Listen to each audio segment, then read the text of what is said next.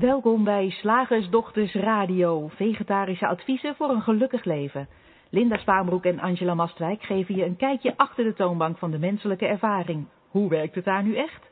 Wij maken gehakt van ingewikkelde concepten en fileren met liefde ook jouw leven. Dat alles onder het motto geluk. Mag het een onsje meer zijn? Goedenavond luisteraars, hier is Linda en goedenavond ook Angela. Hallo allemaal. Vandaag 26 eh, april en uh, in deze laatste, deze, deze laatste uitzending van onze themamaand uh, aandacht willen we graag met je kijken naar uit je depressie komen zonder medicatie. Maar voordat we dat doen wil ik je natuurlijk heel graag attenderen op de mogelijkheid om je vragen aan ons te stellen bel je live in, dan kan dat gelijk nu, onmiddellijk of zometeen nadat we uh, ons uh, thema besproken hebben, via het question and answer vak dat je lager op de pagina ziet waar je nu naar ons luistert. Vooral onze podcastluisteraars, en dat worden er meer en meer, daar zijn we super blij mee. Voor onze podcastluisteraars geldt, je kunt je vragen mailen aan radio@shiftacademy.nl en dan behandelen we jouw vraag in een van de volgende uitzendingen. En uh, vragen is altijd een breed begrip bij de slagersdochters, want het mag ook een mijmering zijn. Het mag een ja maar zijn. Ja, maar dat zeggen jullie nu wel maar. Daar houden wij van. Ja, die vinden we um, leuk. Die vinden we heel erg leuk. Dus uh, schroom niet om, je daar, uh, um, om, om daarmee te komen. Nou, vandaag willen we het graag met je hebben over uh, uit je depressie zonder medicatie. Want we horen meer en meer en meer over depressiviteit. Uh, het is bekender in de media, er is een, een depressiegala. Het is, het is een ding. Het is iets waar veel mensen last van hebben en eigenlijk niemand vindt depressief zijn leuk. En dus daar willen we, daar willen we van af en bij voorkeur een beetje snel. Dus slikken we pillen, volgen we therapie, um, of we doen bijvoorbeeld familieopstellingen, mediteren, uh, of we sporten ons een ongeluk. En soms helpt dat om de depressie te verminderen, of tijdelijk op een afstandje te houden, maar het is zelden een tijdelijke oplossing. En, en Angela, als, als, als wij daarnaar kijken, kan jij even een voorzetje doen waarom wij denken dat die die manieren van je depressie verminderen niet werken. Of wel nou, werken, maar ja. gewoon ook werk zijn. Ik, ik denk als, uh, als uh, uh, een van deze vormen die jij zojuist noemde, of welke andere vorm dan ook, van therapie of zelfhulp, als dat gewerkt had, dan waren er niet zoveel mensen met een depressie geweest, zou, denk ik zomaar. Mm -hmm. en, en er waren alle campagnes ook niet, ook niet nodig wij kijken een andere kant op, inderdaad. En um, zonder te zeggen van, oh, dit is wat je moet doen om van je depressie af te komen. Hè, nadat iedereen er bekendheid aan heeft gegeven van, ja, ik heb er ook last van, ik heb er ook last van, ik heb er ook last van. Uh, maar, maar, maar één oplossing is er niet. En, en de kant die wij op, opkijken zegt eigenlijk, er is niets te doen. Nou, dat klinkt heel simpel en dat is het ook. Maar er is wel iets te zien. En daar kunnen wij zo avondenlang en dagenlang over kletsen, Linda. Ja. er is ja. wel iets te zien. Ja, en het, het, ik, al, die, al die oplossingen die jij, die jij noemde, zoals bijvoorbeeld het sporten. Er is een uh, heel bekend, uh, een hele bekende psychiater in Nederland die, die zelf heel veel uh, marathons heeft gelopen bijvoorbeeld. En, en die zegt dan ook, en, en terecht, hè, ik, ik, ik wil verder niets afwijzen, daar gaat het hier helemaal niet om. Die zegt van, nou ja, er, er komen bepaalde stofjes vrij en, en dat helpt je dan. En um, nou, als iedereen dat gaat doen, dan, dan zou iedereen ervan af zijn. En, en toch zien wij een andere oplossing. En ook het pillen slikken uh, richt zich eigenlijk op de stofjes die daarmee aangemaakt worden hè, in, de, in de hersenen. We zeggen depressiviteit, ja, dat is een, een disbalans in uh, de chemie in je hersenen. En dat lossen we op met een pilletje, dan is er weer balans en dan hoef je ook geen uh, depressie meer te ervaren. Ja, ja en, toch, daar, en toch, ja? Ja, want van dat laatste is het frappante dat er eigenlijk al heel wat jaren bekend is, uh, of, of, onderzoek uh, bekend is geworden, waaruit blijkt dat dat hele stofjesverhaal in je hersenen eigenlijk niet klopt. Nee, een, inderdaad. een hardnekkig, eh, een, een hard, ja, ik wou zeggen een hardnekkig broodje aap. Eh, dat klinkt dan een beetje erg eh, grof. Ja, Maar het is wel toch ook een hardnekkig misverstand. Wat maar blijft voortduren. Omdat het ja, jarenlang leek het de oplossing. Hè? Oh, het is een stofje, daar hebben we een pilletje voor, lekker makkelijk. En ja, nu blijkt uit onderzoek dat het, dat, dat, dat, dat, dat, dat stofje dat dat niet de oorzaak is van de depressie. nee. Ehm, en dan, dan ja, is het jammer als je je toevlucht, toevlucht moet zoeken tot medicatie die soms wel, soms niet helpt. Want dat, wat, dat was Ja. wat, eigenlijk wat ik wilde aanvullen op wat jij zei, hè, na, naar aanleiding van bijvoorbeeld het hardlopen wat zo goed voor je werkt. Ehm, ik vind dat een typisch voorbeeld van het feit dat bepaalde oplossingen in bepaalde gevallen op bepaalde momenten werken. ja. Maar ze werken niet altijd in, in alle gevallen. En dat kan betekenen dat als je, een depressie, eh, als je aan depressiviteit lijdt of als je in een depressie zit, dat je van alles gaat proberen Mhm. en heel veel van die dingen werken niet. En daar word je dan, ja, kan ik me zo voorstellen, nog minder vrolijk van Ja. dan je al bent. Ja, inderdaad. En dus in het dingen doen zit het er niet. Maar zoals ik net al voorzichtig aangaf, er is wel iets te zien. ik schreef er een tijdje geleden een blog over. We hebben hier ook een filmpje over gemaakt trouwens. Hè. is misschien wel leuk Ja. om eh, even te vermelden. staat op het Vimeo kanaal. En eh, we hebben ook nu ook een YouTube kanaal. Dus daar zal die Maar daar staat hij nog niet op. Oh, nog niet. maar daar komt Dus- hij wel op. Ja, maar op de site is die ook te vinden. En ik heb er een tijdje geleden ook een blog over geschreven. Over hoe komt het nou dat je, dat je zo'n depressie ervaart. En dan gaan we eens kijken van welke kanten dan op te kijken valt. Wat er te zien valt. Waardoor er wellicht een definitieve, wellicht, ik, ik durf bijna te stellen, waardoor er een definitieve oplossing is. Als het gezien wordt. Ja. Ehm, ik heb ooit de, de depressie vergeleken met een, met een monster onder je bed. En daar kan je heel erg, dat, dat, eh, daar kan je heel erg benauwd van worden. Als je een monster onder je bed hebt. Je heel erg van schrikken. En laten we dat even vergelijken met, een met een depressie. Wij eh, stelden al depressief zijn is niet leuk. En dat is, een, dat is volgens velen waarschijnlijk een understatement. Want mensen die eraan lijden, die zo'n heel groot monster hebben, die eh, ondervinden daar echt, echt heel veel last van. Dus zo- zo'n monster onder je bed. En dat gaan we dan weg proberen te krijgen met al die dingen die wij net noemden, die jij net noemde. En, en, en dat werkt niet. Soms gaat hij even weg, soms gaat hij een beetje weg. En eh, elke keer moet dan iets nieuws gedaan worden om dat monster onder je bed weg te krijgen, om die depressie op te lossen. En wat wij zeggen is eigenlijk, kijk eens waar dat monster uit bestaat. Kijk eens waar dat monster uit bestaat. Als je nou een monster onder je bed hebt, wat heel echt kan lijken, dan zie je meestal dat, er, dat het niet meer is dan een schaduw. Een schaduw van bijvoorbeeld, ik vergeleek het met een Lego-kasteel wat, eh, wat in, je, in je kamer is blijven staan. De kinderen hebben gezellig op de slaapkamer met, met eh, Lego gespeeld. Een kasteel gebouwd, s'nachts schijnt het maanlicht over dat Lego-kasteel en dan lijkt er een enorm monster onder je bed te zitten en je schrik je echt een ongeluk. dat voelt niet fijn, daar wil je van af.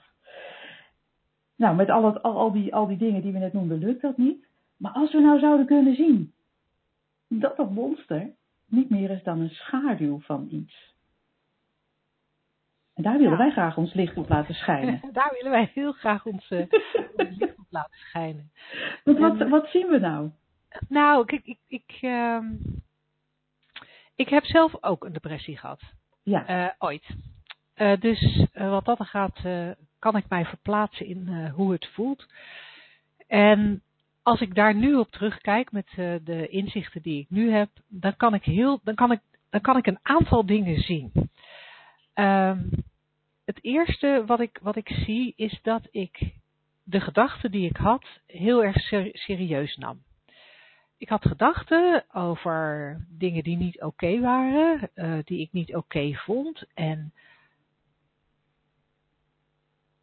dat ging voor een deel over mezelf, dat ging voor een deel over mijn leven. En, ehm, en ik denk dat daar ook eh, nog een soort onbewuste onderstroom was ehm, van gedachten waar ik me niet zo bewust was, die meer gingen over ik, ik ben niet goed genoeg, ik kom tekort, niemand houdt van mij, ik ben eigenlijk niet leuk. Dat was niet bewust, maar ik, en nu kan ik zien dat dat daar wel onder zat. De gedachten die ik had, nam ik heel serieus en, en, en ik dacht dat ze waar waren. Dus alles wat er in me opkwam, over wat niet leuk is of niet goed was, of, um, ja, daarvan dacht ik dat het waar was. Ik had niet in de gaten, wat ik in, inmiddels wel weet, dat die gedachten alleen maar betekenis krijgen doordat ik die betekenis eraan geef. Dat de gedachte, ik ben waardeloos of mijn baan is niet goed genoeg of ik kan dit allemaal niet aan of ik wil deze dag niet. Of wat de gedachte dan ook was. Uh, uh, ik had ook wel eens de gedachte, was, uh, ik, ik, ik, woonde toen in Leidschendam-Voorburg en bij Voorburg, bij Prins Klausplein, heb je een bocht richting Delft en Rotterdam. Als je uit, uit Voorburg komt. En dat is echt zo'n bocht waar, daar heb ik heel vaak gedacht, als ik nou gewoon rechtdoor rij. Als nou gewoon oh. niet die bocht neem met 70, maar gewoon rechtdoor rij. En, en dat soort gedachten nam ik serieus als een soort waarheid. Ja. Dus ik schrok er heel erg van. Wat denk ik nu? Wat betekent het dat ik dit denk? Als ik dit denk, oh, dan is het wel, dan ben ik wel heel ongelukkig. Dan is, ben ik wel heel ontevreden met mijn leven. En vervolgens ging ik mezelf natuurlijk verwijten maken over dat kan ik niet maken tegenover de kinderen. En dus die ene gedachte die even opkwam, die maakte ik tot een waarheid. Die maakte ik, ja, die, waar, die, waar die eigenlijk neutraal was. Hij had voorbij kunnen vliegen als een wolkje uh, op een zomerse dag. Uh, terwijl er een lekker windje staat. Maar nee, ik, ik, ik pakte die wolk uit de lucht en ik ging, ik, hem, ik hem kleien. En ik ging daar nog allerlei van alles aan vastplakken. Uh, dus dat was, dat was zeg maar het eerste wat ik, uh, wat ik, wat ik daarbij herken.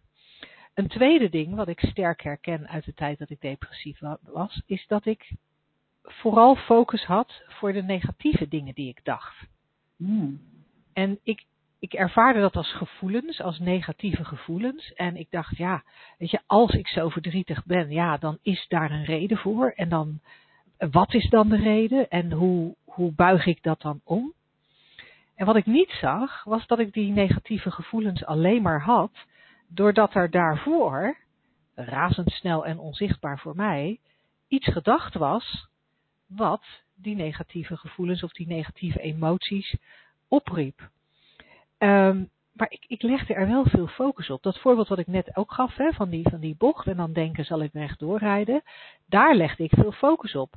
Dat ik de hele rit van huis naar, naar waar ik naartoe ging op dat moment, ook andere gedachten had, die over andere dingen gingen. Oh, er vliegt een vogel. Oh, een, een, een, een, een, een, eh, een, wit, eh, een oud wit dafje wat mij voorbij komt. Oh, wat zal ik morgen eens op mijn werk? Oh, wat moeten we vanavond eten? Die gedachten waren ook voorbij gekomen, maar daar had ik mijn focus niet op gelegd. Nee, ik legde mijn focus op die ene gedachte uh, als ik door die bocht ging. En grappig genoeg, nou ik weet eigenlijk niet of het grappig is, maar ik denk nog steeds wel eens dat soort dingen. Ik denk nog steeds wel eens, als ik nu op deze overbaan, op, op deze spoorwegovergang, want ik woon in een dorp met drie, met drie spoorwegovergangen, dus je staat nogal vaak, uh, kruis je een spoorbaan, dan denk ik nog steeds wel eens, als ik nu blijf staan, dan is het afgelopen. En dan, en dan krijg je gewoon door, zoals ik in het verleden altijd die bocht gewoon genomen heb. Alleen, het, het, het, het, het is een gedachte, het is nu een gedachte zonder betekenis en ik ik doe er verder niks mee. Dus hij krijgt niet, hè, dus, dus waar ik in mijn depressiviteit um, gaf ik meer aandacht aan wat, aan wat negatief was en waar ik van schrok, dan, dan aan het neutrale. Want er was ook heel veel neutraal. Hè, er was in, in die tijd voor mij niet zo heel veel vreugdevol, maar er was wel heel veel neutraal. En daar ja. had ik ook op kunnen focussen. En het derde, wat ik, wat, het derde wat, ik, wat ik herken, is dat ik mijn ervaring heel serieus nam in de zin dat ik, het, dat ik er heel veel gewicht aan hing dat ik niet vrolijk was. Ik had blijkbaar zo'n concept over je moet vrolijk zijn, je moet gelukkig zijn, je moet je fijn voelen, je moet tevreden zijn. En ik was dat niet. En het feit dat ik dat niet was, in veel momenten, want natuurlijk, hè, net als daar straks bij die, die, die, die zelfmoordgedachten, um, waar heel veel neutrale gedachten tegenover stonden, was, was ook ja, ik was op veel momenten voelde ik me heel verdrietig. Maar er waren ook, ook wat gevoel betreft, waren er uh, uh, gewoon neutrale uh, momenten. Um, maar ik vond het dan, dan ik, ik zat zo met een vergrootglas op wat ik voelde en wat ik en, en, en dat dat niet mocht en dat dat anders moest. Dat ik mezelf, zeg maar, een soort van ingroef in mijn eigen, in mijn eigen, uh, ellende. Ja, in mijn eigen ellende, in mijn eigen. Je bleef maar naar dat monster onder je bed staren. Ja, joh. En in, in ja. nu terugkijkend denk ik van, ik was vooral erg met mezelf bezig. Ja. Ja, en in alle onschuld denk ik dan. Hè? Want als je Tuurlijk. nou niet, niet Tuurlijk. weet dat dat, uh, uh, dat dat monster onder je bed niet echt is en dat het maar een Lego kasteel is. En, en nu uh, slingert er nog wel eens een Lego blokje rond. Maar dat het nooit uh, meer is dan dat. Een gedachte die opkomt en weer weg hebt. En Ja. ja, en ik zeg dat even bij in alle onschuld, omdat ik, uh, als ik het wel eens heb over bijvoorbeeld eetstoornissen, wat dan mijn stokpaardje is, en, en daarbij dit verhaal vertelt, of een, of een soort gelijk verhaal vertel, uh, van, dat het nooit meer is dan dat. Een gedachte in het moment die ervaren wordt, ja, niet fijn. Dus je wil er waarschijnlijk vanaf. Maar als je ziet wat het is, dan is het allemaal niet meer zo erg. Dan krijg je heel vaak uh, terug van, ja, maar zo simpel is het niet. Zo makkelijk is het niet. Het is echt heel serieus en erg. Daar ben ik blij dat jij dat even vertelt. Zo dat je met de wijsheid die je nu hebt, de, de inzichten die je nu um, allemaal hebt vergaard, om het zo maar even te zeggen, kan zien dat het weliswaar zo kan voelen, maar uiteindelijk niet zo serieus is. Nee, wat ik, wat ik ook ervaar is dat door, door te weten, en ik weet, dat, ik weet dat heel zeker, ik heb dat heel erg, heel erg scherp voor mezelf gezien, door zeker te weten dat ik altijd in elk moment alleen maar mijn eigen gedachten kan ervaren, ben ik me daar ook heel erg van bewust dat um, als ik een gedachte ervaar, als ik dat laat voor wat het is, er vanzelf een nieuwe gedachte komt. Want dat is de, dat is de aard van gedachten. Ja. Uh, pas op het moment dat ik mij op een bepaald onderwerp focus, uh, dan, dan blijft het hangen. Hè? En dan, dan wil je nog wel eens, uh, zoals ik dat graag noem, een gedachtentrein creëren. Dan, dan, dan, dan, hang je allerlei wagonnetjes achter, zo'n, achter één zo'n negatieve gedachte. En dan, nou ja, dan, dan, dan, dan maak je jezelf eigenlijk een beetje gek. Uh, maar omdat ik zo zeker weet dat die gedachte uh, dat er altijd weer een nieuwe gedachte komt. Als ik nu, want ik ben nog steeds wel us een keer somber. Ja, en als ik het heb over us, dan, dan hebben we het echt over een half uur in de, weet ik veel, in de maand of zo. Um, en, en, en ja, ik, ik, ik weet het tijdsframe niet hoor, maar dat komt ook omdat het allemaal zo snel, uh, het gaat allemaal weer zo snel voorbij. Ja. Um, want als ik me dan een keertje somber voel, dan weet ik zo zeker dat het een gedachte is. En dan weet ik zo zeker, ah joh, er komt wel weer een andere gedachte. Dat ik een soort van, ja, ik wil niet zeggen dat ik erop ga zitten wachten. dat er een andere gedachte komt. Maar, maar ik, ga, ik ga eigenlijk gewoon door met mijn leven. Ik ga gewoon door met mijn leven in de overtuiging en de wetenschap dat, dat, dat dit nare gevoel van dit moment echt alleen maar veroorzaakt wordt doordat ik blijkbaar al dan niet bewust negatieve gedachten heb. Ja. Uh, en dan duurt het maar heel kort. Dan duurt het vijf minuten of het duurt een half uur. Uh, en, dan, en dan is het weer voorbij. En met zo'n nieuwe gedachte heb je dan ook gelijk een heel andere realiteit. Hè, lijkt ja, het, dat uh, is wel. zo grappig. Ja, ja want je ziet, ik, ik, zo'n een, een, voorbeeld wat, wat dat heel duidelijk laat zien is, stel dat jij echt heel somber op je bed zit ja, te sippen. En je ruikt ineens uh, een brandlucht. En de gedachte komt op, er is beneden, mijn droger is in de fik gegaan, ik noem maar even wat. Ja. Waarschijnlijk sta je op en heb je direct even een heel andere uh, realiteit. En ben je, dat somber, ben je die somberheid vergeten. Ja. He, die die Ja. mogelijkheid zit gewoon in het menselijk systeem. Want, want elk moment kan er een andere gedachte opkomen. Het, nou is een droger in de fik misschien niet, ook niet zo'n gezellig, uh, gezellig idee. Maar er kan natuurlijk ook heel iets anders op, opkomen. En dat is wat we vaak niet zien. Van ja, oh ja, we kunnen wel zien dat gebeurt in ons leven. Maar het, het lijkt zo verleidelijk om, om je te fixeren op die sombere gedachten, zoals uh, jij net vertelde, om, je, om constant naar dat monster onder je bed te kijken, dat je dat even vergeet dat, dat die mogelijkheid in je zit.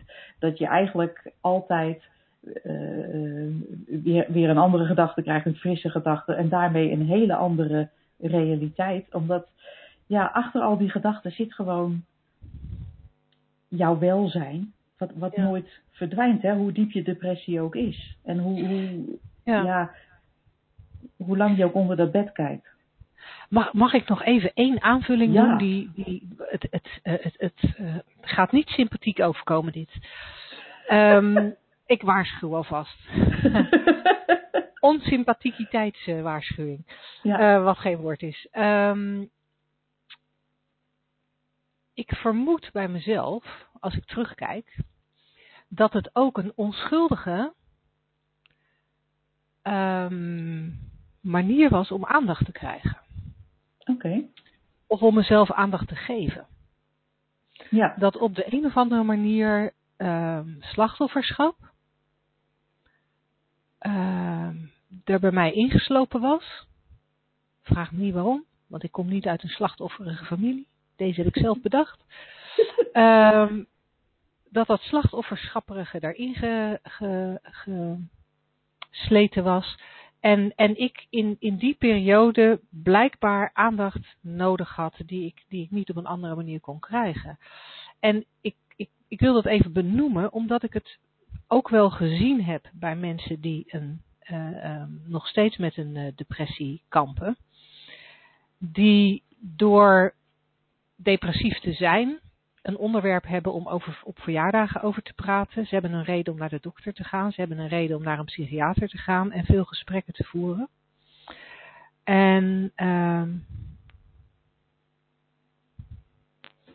ja, die wilde ik toch even meegeven. Nogmaals, nou, ook weer in alle onschuld. Hè? ja, in alle onschuld. Maar ik ben blij dat jij dat even meldt met, uh, met jouw eigen ervaring als achtergrond. Ja, ja. Want uh, ja, ja, dat. dat. En we zetten er bij de podcast gewoon even een waarschuwing bij.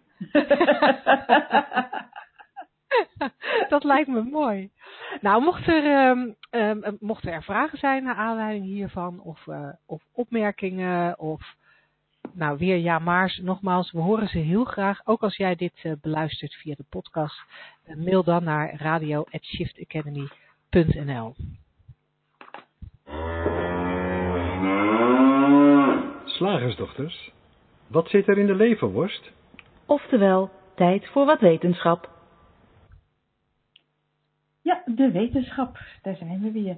En, en ik wil, ik, volgens mij heb ik het wel eens eerder gezegd, maar ik wil dat nog een keertje uh, zeggen. Die wetenschap is gewoon wat ik toevallig tegenkom, uh, al lezend of al surfend, waarvan ik denk, hé, hey, dat is grappig, dat heeft connecties met hoe wij uh, die drie principes um, kenbaar maken. Of, of juist, nou, dit gaat tegen alles in van wat, wat ik denk wat waar is.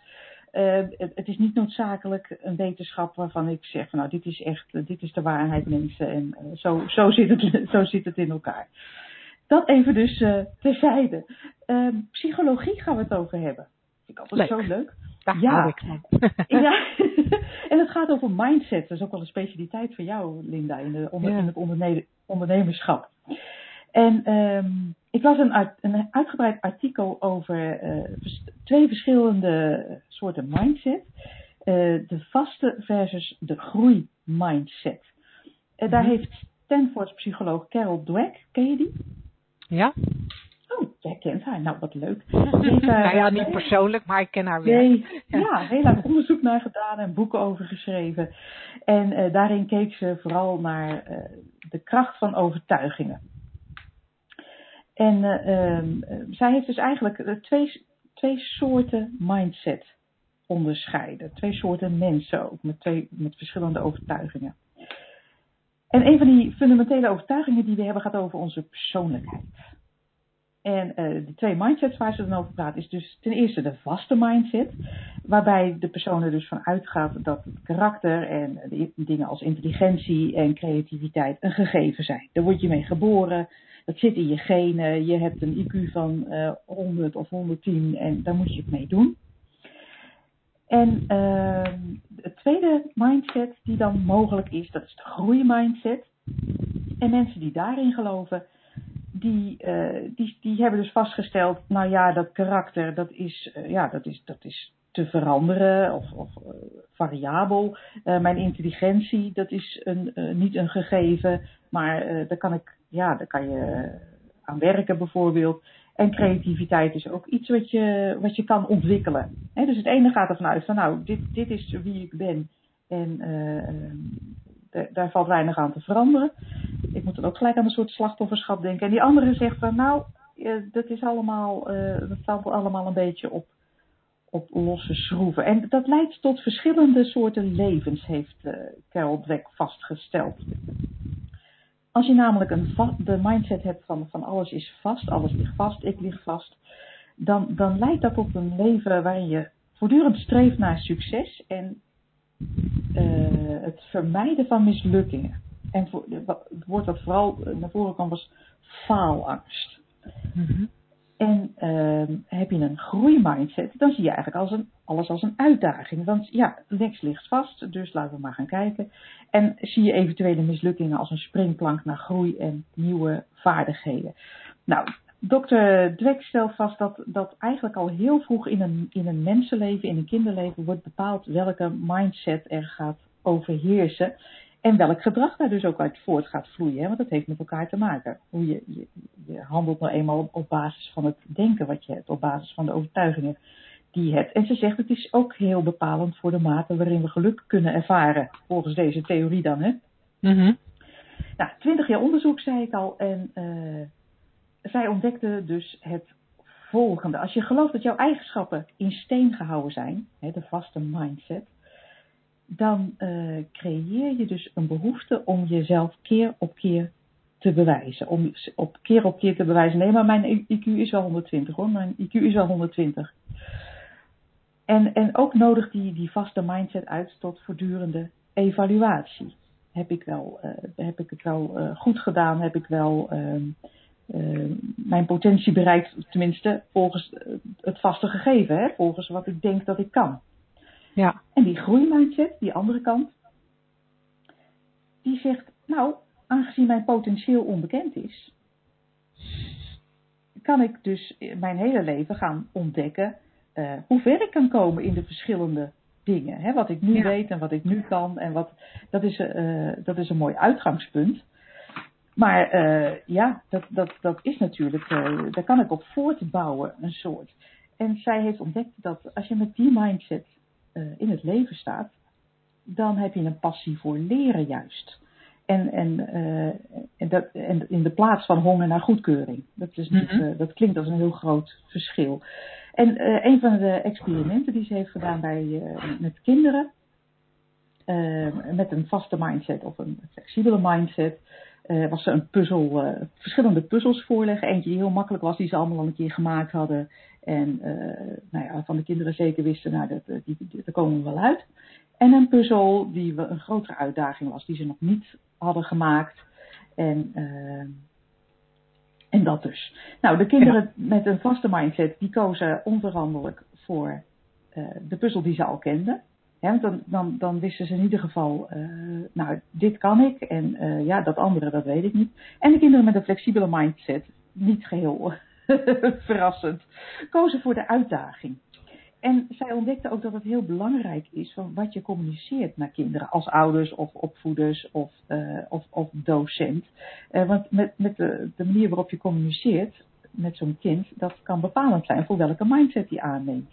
En zij zei van als je een kind complimenteert met het resultaat, dus dat heb je goed gedaan of wat ben je slim, mm-hmm dan krijgen kinderen eerder een vaste mindset. Complimenteer je ze echter voor de, voor de inzet, gewoon voor de poging, voor het feit dat ze gewerkt hebben, dan krijgen kinderen eerder een flexibele mindset. En ze heeft die kinderen waarmee ze dit soort experimenten heeft gedaan ook een tijdje gevolgd. En ze ontdekte zelfs dat, uh, kinderen met een vaste mindset, die, hè, die dus meer, die wat angstiger in het leven stonden, ook gingen liegen over hun prestaties. Omdat zij het idee hadden van ja, dit is, hier moet ik het mee doen. Dit is vast, maar ja, dat wil ik wel een beetje, een beetje oppoetsen. Poetsen. En ze hadden het idee dat ze superieur moesten zijn over anderen. Terwijl kinderen met een flexibele mindset gewoon eerlijk waren over hun prestatie. Nou, dit heb ik gepresteerd en misschien kan het beter, maar volgende keer eh, ga ik er eens aan werken. En die waren ook eerder geneigd om, om samen te werken, omdat ze het, uh, ja, zich niet, niet erg hoefden te, te bewijzen. En ook uh, was er op latere leeftijd een verschil te zien in, in de manier waarop relaties werden ervaren, waarop er in de liefde werd gespeeld. -hmm partners die uh, een fixed mindset hadden, hè, die, die dus dachten van nou ja, dit is het en uh, onveranderlijk en, en dat, zo, dat soort dingen, die wilden graag op een voetstuk gezet worden. Die wilden graag zich perfect voelen en uh, in hun relatie moest altijd alles goed gaan. En ze waren eigenlijk een soort een beetje onrealistische ideeën hadden zij over de relatie. Terwijl de kinderen die met een flexibele mindset waren opgegroeid en, en op latere leeftijd juist fouten accepteren van zichzelf, maar ook van, van de ander. Omdat ze ervan uitgaan, ach, weet je, we kunnen allemaal veranderen. Dus mm -hmm. maakt niet uit. En uh, die zagen conflicten eerder als een communicatieprobleem wat verholpen kan worden. In plaats van een persoonlijkheidsprobleem waar je iemand, al is het maar jezelf, de schuld van kan geven. Ja, ik ben nu ja. eenmaal dus, of jij bent nu ook altijd zo. ja.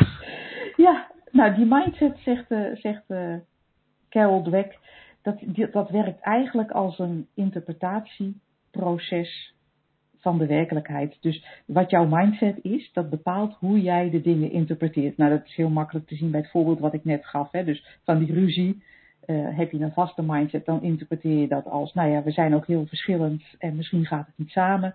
En heb je een flexibele mindset, dan interpreteer je dat als, goh, misschien uh, zouden we elkaar uh, nog even uh, moeten vertellen precies wat we willen. Of nou ja, ik, ik noem maar wat, in ieder geval in gesprek gaan en, en, en kijken uh, hoe, het, hoe het anders kan. En ja, dus fixed en vast en groei. Dat is een groot verschil blijkbaar. Van beoordelen en evalueren en scoren bijhouden naar, bijhouden naar nieuwsgierigheid en constructieve actie. En dan denk ik, ja, die, die groeimindset, zoals zij uh, dat omschrijft, dat komt eigenlijk wel overeen met, met hoe wij het zien. Uh, de, de beleving van de realiteit uh, gebaseerd op de drie principes, hè, met dat als uitgangspunt.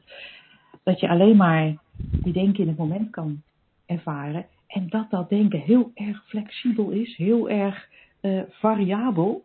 Zoals ja. jij ook net vertelde in, in, in, die, in de depressieve gedachten ja, dat, ik, ik zie daar overeenkomsten met, met hoe zij een growth mindset eigenlijk omschrijft.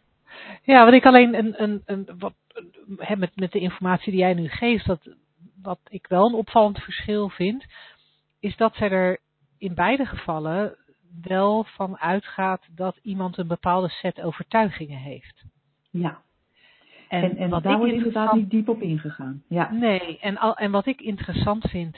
Uh, als, je, als je naar het leven kijkt, um, of als je in de richting van de drie principes kijkt, dat je, dat je ziet dat, dat um, ja, ook een set overtuigingen, of dat nou de groeiovertuigingen zijn, of het zijn de, de vaste overtuigingen. Uh, maar wij gaan meer en meer herkennen dat elke overtuiging ook weer alleen maar een gedachte is en elke overtuiging dus altijd kan veranderen. En elke overtuiging ook in, in principe niet waar is. Dus ik zou me voor kunnen stellen dat, dat je, zoals wij, als je meer in de richting van de, van de drie principes kijkt, dat je misschien inderdaad meer en meer en meer uh, in het leven staat veranderlijk. Van alles kan veranderen.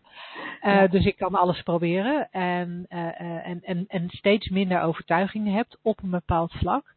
Ja. Terwijl ik vermoed dat ook jij en ik op bepaalde stukjes van ons leven misschien nog steeds wel hier en daar wat zeer vaste overtuigingen hebben.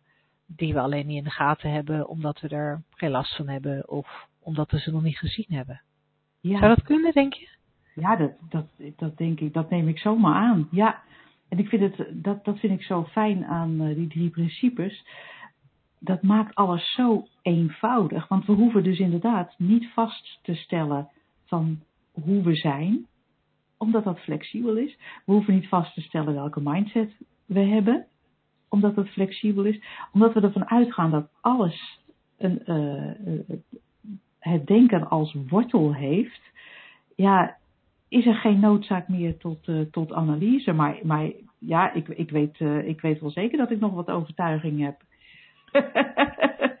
en ik, ik ben er ook wel nieuwsgierig naar. Maar ik vind het ook heel mooi als je deze kant op kijkt. Dat je steeds meer gaat zien zonder dat je hoeft te graven van oh, hoe zit ik nou in elkaar. Of, maar als iets, als iets wringt, zeg ik altijd maar, als, als er iets schuurt, dan weet ik, nou, er speelt, als ik niet direct kan zien wat het is, dan weet ik dat er een overtuiging speelt of een gedachte. Laat ik het even ja. bij gedachte houden. Ja. Hè? Want, wat, uh, overtuiging is gewoon een gedachte die je vaak hebt gedacht.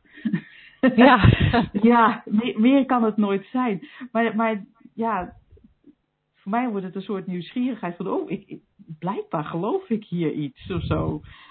Maar ik weet dat het nooit meer dan dat kan zijn. En dan, dan ja, laat het soms zich vanzelf zien en soms niet. Nou ja, dat, prima. Dat is dan ook weer niet zo erg. ja. Nee, dat zie ik dan een andere keer wel. ja, nou cool. Hey, dankjewel weer voor deze wetenschapsbijdrage. Ja. Zeg, slagersdochters, hoe bak ik die vegaburger? Over naar de luisteraarsvraag. Het is stil op de mail. nou, gelukkig heb ik een vraag. Oh, fijn. Um, Gerard zegt, um, wat interessant is, is het feit dat als mijn vrouw en ik heel moe zijn, dus echt geestelijk en lichamelijk op, mm. dat zij dan hele zware onderwerpen aansnijdt. Oh. Bij voorkeur over hoe de verzorging straks moet van onze ouders. Uh, en dat terwijl ze weet dat, hoe ik daarin sta, namelijk dat ik ga betalen voor hun verzorging als dat nodig is. Uh, dat ik niet zelf mijn handen ga laten wapperen als het om echte zorg, de zorg vraagt. Um, en daarbij is dat hopelijk nog heel ver weg en zien we dan wel. Hoe komt het toch dat zo'n onderwerp wordt aangesneden of oplopt in haar vermoeide hoofd? En hoe komt het toch dat het gruwelijk lastig is in de praktijk om uit de ruzie te blijven die onherroepelijk volgt op dit onderwerp? Oh, wat een heerlijke vraag. Ja, vind je niet? Vind ik echt, echt een prachtige vraag. Want hij is heel herkenbaar natuurlijk. en, en, en, nou, zal ik een voorzetje doen of wil jij ja, beginnen? Ja, nee. ja. Nou, ik, ik hoor Gerard zeggen van uh, moe, geestelijk en lichamelijk. En, en het beeld wat ik dan heb, is dat je een soort. Um, we hebben het ook vaak over bewustzijn, hè, waar je je bewust van bent. Wat, je, wat er op dat moment uh, zich 3D in jouw film voor je, voor je afspeelt, wat je ervaart. Mm -hmm. En als je nou moe bent, dat zijn we allemaal wel eens, of we stappen met ons verkeerde been uit bed, dan heb je een soort ja, lastig te omschrijven, laag bewustzijnsniveau of vernauwd bewustzijn. Hè? Dat is alsof je van zo'n camera uh, um, aan, aan, dat, aan dat ene ringetje draait en dan zie je nog maar een heel klein stukje uh, van het beeld. Laat ik ja. het zo even omschrijven. Um, en dat gebeurt ook als wij in een, in, een, in, een, in een slechte bui zijn. In een lage gemoedstoestand noem jij het geloof ik wel eens. Dat vind ik ook al een mooie, een mooie term. En dan zien we de wereld gewoon voor een doedelzak aan. Dus dan zien wij, dan zien wij uh, uh, problemen. We staan uh, met ons hoofd tegen de muur. We hebben niet de mogelijkheid om een groter overzicht te hebben en wat afstand te nemen en daardoor oplossingen te zien. En, en dat is eigenlijk het enige wat er gebeurt als je geestelijk en lichamelijk moe bent. Dan verkeer je in een lage gemoedstoestand dan is het gewoon niet het moment om over dit soort dingen te beginnen, terwijl ze wel juist in je hoofd opkomen. En dat is natuurlijk een hele fijne combinatie. Ja. en en ik, wat, wat ik, ik, Gerard, weet je wat ik zou doen? Ik zou een rode vlag aanschaffen. en als de situatie zich weer voordoet, de combinatie met een lage gemoedstoestand en dan dit soort dingen, hè, heel herkenbaar. Ik zou gewoon de rode vlag even opsteken. en, en dat moet je samen afspreken op het moment dat je je allebei heel goed voelt. en, en, en uh, de wereld aan kan, een hoge gemoedstoestand hebt, een, een goede bui bent, een uh, um, hoog bewustzijnsniveau hebt en, en, en de hele wereld je vriend is, dan spreek je af, lieve schat, als wij weer eens in zo'n bui verkeren, en een van ons trapt in de valkuil om te willen beginnen over dit soort zware onderwerpen, die dan op dat moment heel zwaar lijken ook. Hè, want alles lijkt zwaar op zo'n moment. En ook belangrijk, ja, dan zijn En belangrijk, en wie de koffie zet wordt zelfs een probleem. Schat, dan, dan, dan een van ons hoop ik dat we de helderheid van geest hebben, dat hij even die rode vlag opsteekt. En dat we dan allebei weten, niet nu. Gewoon een ander keertje. Geef ik zomaar een advies, doen wij nooit. Hè, ja. nee, wij, houden, nee wij, wij doen eigenlijk niet aan, uh, aan recepten.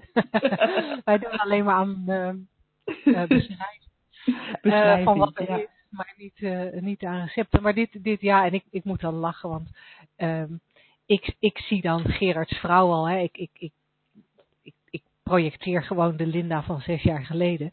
Die dan die rode vlag ziet opkomen en zegt: Ja, jij ook altijd met die rode vlag. Je neemt me niet serieus. Dit is helemaal niet zo'n moment. Dit is echt waar. Uh, dus ik weet niet helemaal of dit advies echt heel erg. nee. Je kan het proberen. Je kan het proberen. Je kan het proberen. Ja. Maar het is natuurlijk ook heel belangrijk dat je gewoon ziet bij elkaar ook. En bij, hè, in, in allereerste instantie bij jezelf. Want dat is het enige waar, je het, het, het, uh, waar het echt handig is. Van hoe het systeem werkt. Oh ja, wacht even. Ja. Ik beleef ja. mijn denken en dat is even niet zo handig in het moment. En oh, ik zie het bij haar ook. Weet je wat? Ik aai er even over de bol. Ja, ja en, en, en wat ik daar graag nog aan toe wilde voegen is, is iets wat ik daarover zie. Ja. Aanvullend op wat jij zei. Dat het, het, het lijkt wel alsof we. Um, nee, ik denk niet eens dat het, dat het zo lijkt. Ik denk dat het zo is. Dus als je met je partner in zo'n situatie uh, terechtkomt, dat er sprake is van het feit dat je elkaar over en weer emotioneel triggert.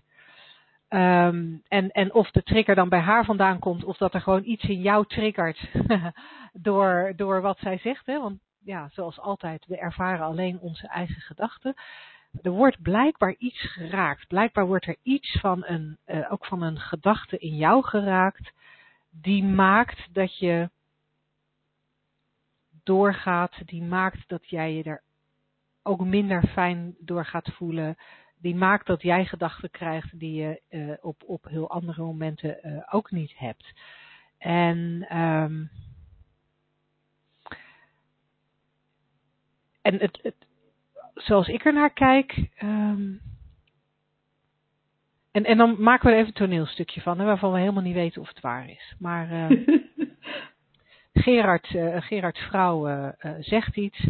Gerard denkt dan misschien wel, oh, daar begint ze weer. Mm-hmm. Um, wat bij hem wellicht een gedachte oproept, nou ja, in ieder geval de gedachte, daar begint ze weer. Maar misschien iets van een, van een gedachte oproept of een gevoel oproept van, ja, een beetje angst of een beetje onzekerheid of misschien een beetje boosheid, onrust. Um, misschien ook wel iets van een gedachte die, die niet eens zo heel zichtbaar hoeft te zijn. Hè, van, uh, ja, ik ik zou toch een betere zoon moeten zijn en wel voor mijn ouders moeten willen zorgen. Weet je, er kunnen van die, van die allemaal van die onbewuste gedachten die dan op de een of andere manier even geraakt worden zonder dat jij het merkt. En dan ga je reageren vanuit die gedachten. En nogmaals, ja. zonder dat je het merkt. Dus dan gaat Gerard terug zeggen, bij wijze van spreken. Jij doet altijd moeilijk, s'avonds na half elf. Wat natuurlijk, weet je, wat, wat wellicht bij zijn vrouw een gedachte raakt als ik ben niet goed genoeg, hij houdt niet meer van me, mijn huwelijk, uh, mijn, mijn, mijn, uh, mijn huwelijk gaat er misschien wel aan. Of misschien roept het bij haar wel op van ik, ik ben als echtgenoot niet goed genoeg, ik zou toch beter moeten weten. Weet ik veel wat het bij haar allemaal weer voor een gedachte oproept. Maar je kan je voorstellen dat zij dan, dat zij dan ook weer een pijltje gaat, gaat afschieten in Gerards richting. En je, en je bent dan over en weer pijltjes aan het afvuren. Niet omdat je die ander pijn wil doen, maar omdat je reageert vanuit die onbewuste, onzekere gedachten. Ja. Um, en, en dat weten van als ik mij niet meer fijn voel, dan spelen er onzekere gedachten. Ik zie ze misschien niet, ik weet niet welke het zijn, ik weet niet waarom ze er zijn. En dat is ook niet zo belangrijk, want we hebben daar straks al gezien, dat je die gedachten die waar je wel weer, wel, wel weer over. Uh, maar dan is, het, dan is het makkelijker, heb ik gemerkt voor mezelf. En ik heb ook gemerkt dat het steeds makkelijker wordt om te zien, hé, hey, die ander, die zit even vast in haar gedachtenspoortje. Die heeft even een rijtje gedachten waar ze niet erg vrolijk van wordt. Maar dat heeft niks met mij te maken. Dus, dus, dus dan, dan lukt het mij, en ik hoop Gerard uh, ook, en iedereen die luistert, uh, om het niet zo persoonlijk te nemen. Ja, mijn partner zegt een aantal dingen waarvan ik denk, nou, niet erg uh, aardig of niet vriendelijk, of nou ja, wat ik er dan ook van denk. Maar als ik kan zien, oh, zijn gedachtentreintje heeft niks met mij te maken en ik kan het, kan het buiten mijzelf houden, hè, als het ware, ik laat het pijltje niet binnenkomen, dan, uh, uh, dan, dan, dan kan ik hem uh, laten pruttelen. Ja, dat is mooi. Hè? En, en het is ook heel fijn eigenlijk dat, dat dat lijf waar we in zitten zoveel gevoelens kan laten voelen. Ja. Als we daar een beetje attent op zijn, niet, niet in een navelstaarderige manier, maar je voelt wanneer, wanneer dingen niet, niet even wringen. Dat, dat -hmm. voel je gewoon. En dat is een soort een rood lampje van, oh wacht even, misschien even een stapje terug, misschien even niet, misschien even gewoon naar vroeg naar bed of of weet ik veel. Ja. Het is fijn om te weten dat je eigenlijk een soort signaleringssysteem in je lijf hebt. Uh, wat, wat jou uh, vertelt waar je denken zit. Ja. Ja. ja zo. Of je een beetje, of je een beetje van, van de weg begint te raken. Of, ja. of niet. Ja. ja. ja. Nou, mooi. Hey Gerard, ik hoop dat je hiermee wat verder bent. Zo niet, dan horen we heel graag je vervolgvraag. Woensdag, gehaktdag. Zeg slagersdochters, welk concept gaat er vandaag door de molen? Oh, dat is dan weer zo'n leuk, hè? Ja. ja, ik heb hem voor me. en dat is blijkbaar een die ik heel vaak gehoord heb. Uh, het concept van vanavond is ja, dat hoort er een beetje bij, hè?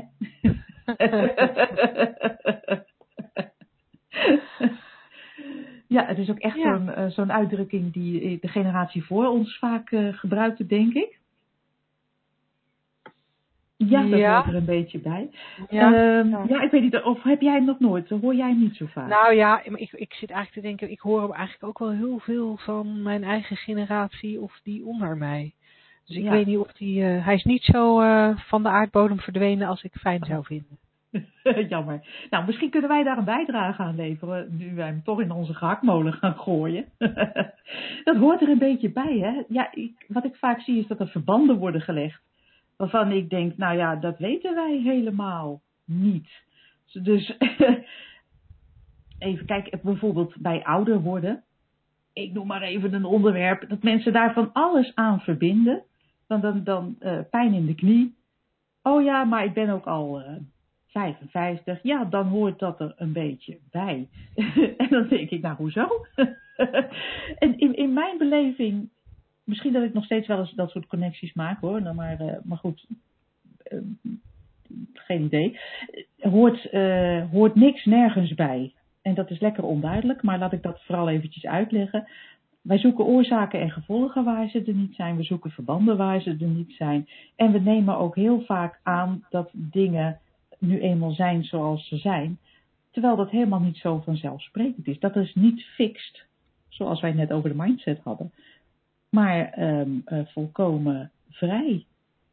Het is niet Ja. vanzelfsprekend dat als je Nee. oud wordt, dat je last van je knie krijgt. Het is niet vanzelfsprekend als je kind puber is, dat hij tegen draads wordt. Het is niet vanzelfsprekend dat als jij, um, um, weet ik veel, stopt met roken, dat je dik wordt. Ik noem maar een paar dingen.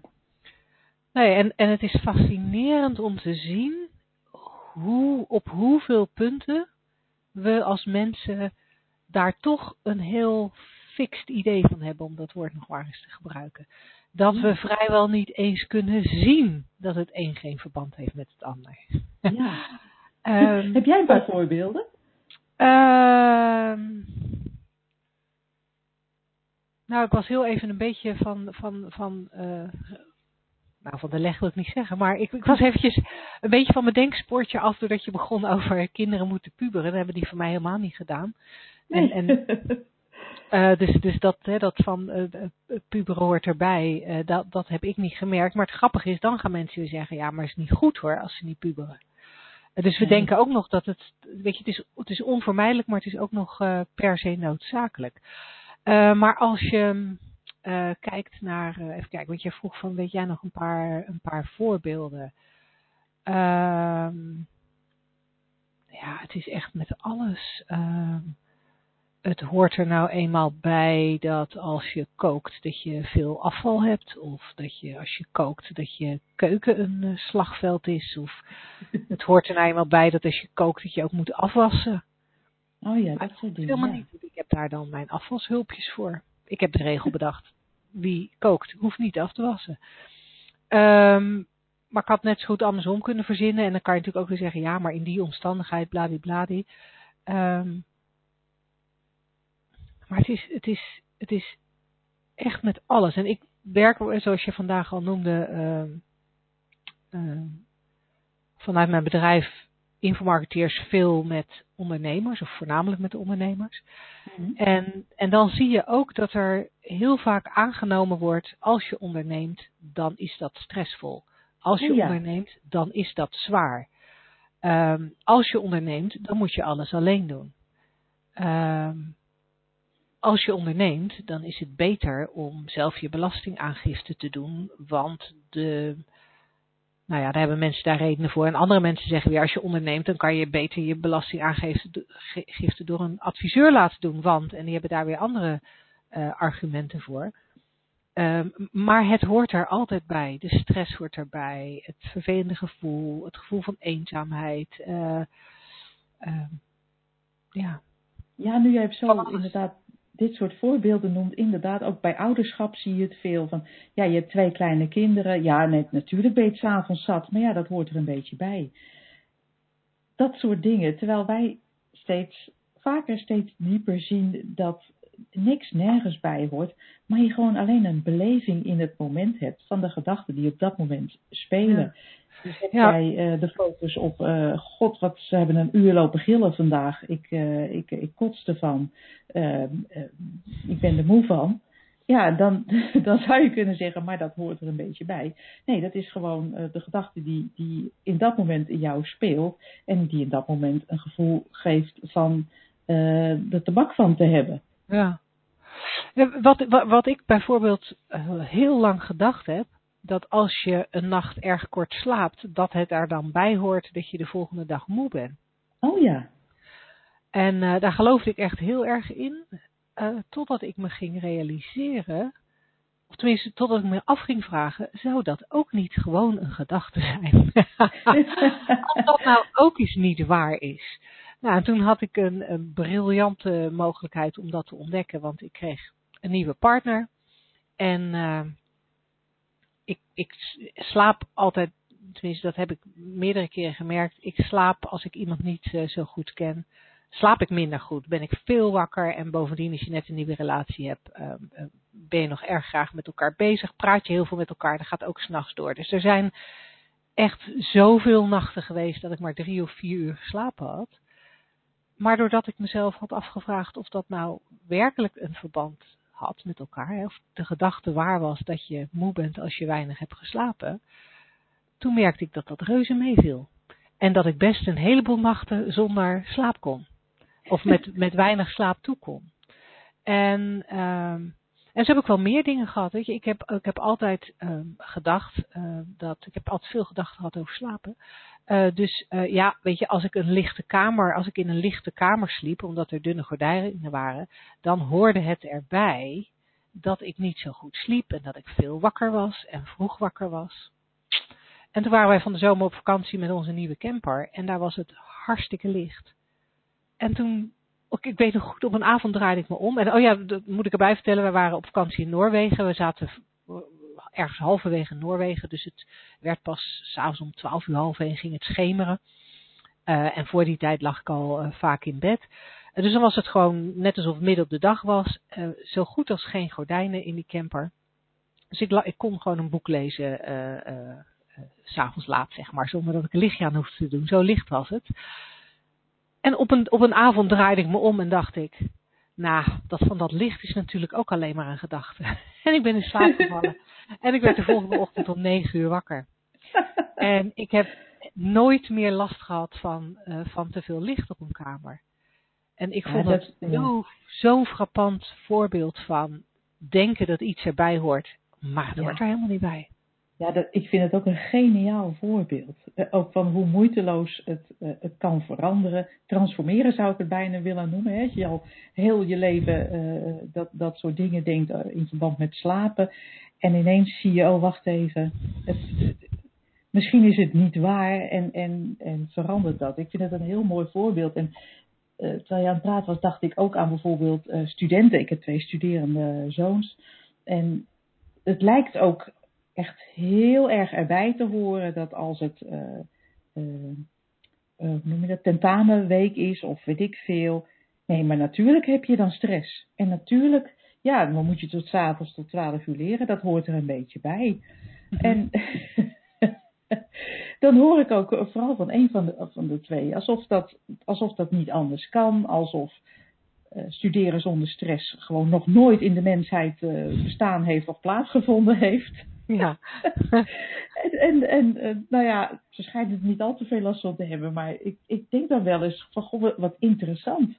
Uh, dat je dat zo aanneemt en overneemt en dat dat ook blijkbaar, volgens mij uh, zit jouw dochter ook in die, in die, in die hoek, mm -hmm. waarin, waarin dat heerst van dat, dat, dat zo'n hele generatie studenten gewoon aanneemt van nee, maar weet je, studeren is gewoon hartstikke stressvol en uh, natuurlijk ga je hele nachten door. Dat hoort er een beetje bij en oh, ik moet uh, dan veel, weet ik veel. De een drinkt heel veel koffie en de ander die, uh, die moet na de tentamenweek een week bijslapen en ja, het hoort er allemaal een beetje bij. Ja. Het niet waar is. Nee, nee, nee. En dat is grappig om te zien, omdat dat precies dit voorbeeld zie ik op dit moment bij mijn dochter veranderen. Ja. En uh, daar, daar begint zij wat inzicht in te krijgen. Ja, want dat, zij schreef daar van de week een blog over. En, en daarom moest ik er ook aan denken. En ik vond het heel mooi dat ze, dat ze ging zien van, oh maar wacht even, het kan ook eigenlijk zonder. En dat je dan ook een soort, zoals zij het noemde, zenuwachtig wordt van, oh, hè, wat doe ik nu? Ja. ja. ben ik niet eens stressvol? Huh? Ja, nou ben ik rustig. Het is toch tentamenweek? ja. Ja, super. Ja. ja, geweldig om te zien hoe, uh, hoe, hoe dan, uh, dat, dat inzicht eigenlijk verkregen wordt. En, en uh, ja, prachtig. Ja. Nou, dan denk ik dat het een goed moment is om onze uitzending van vanavond af te sluiten. Dankjewel aan alle luisteraars voor je aanwezigheid. Dankjewel aan Gerard voor zijn vraag. Nogmaals, we ontvangen je vraag heel graag via radio@shiftacademy.nl. En uh, nou, wat ons betreft, volgende week, same place, same time. Graag tot dan. tot dan.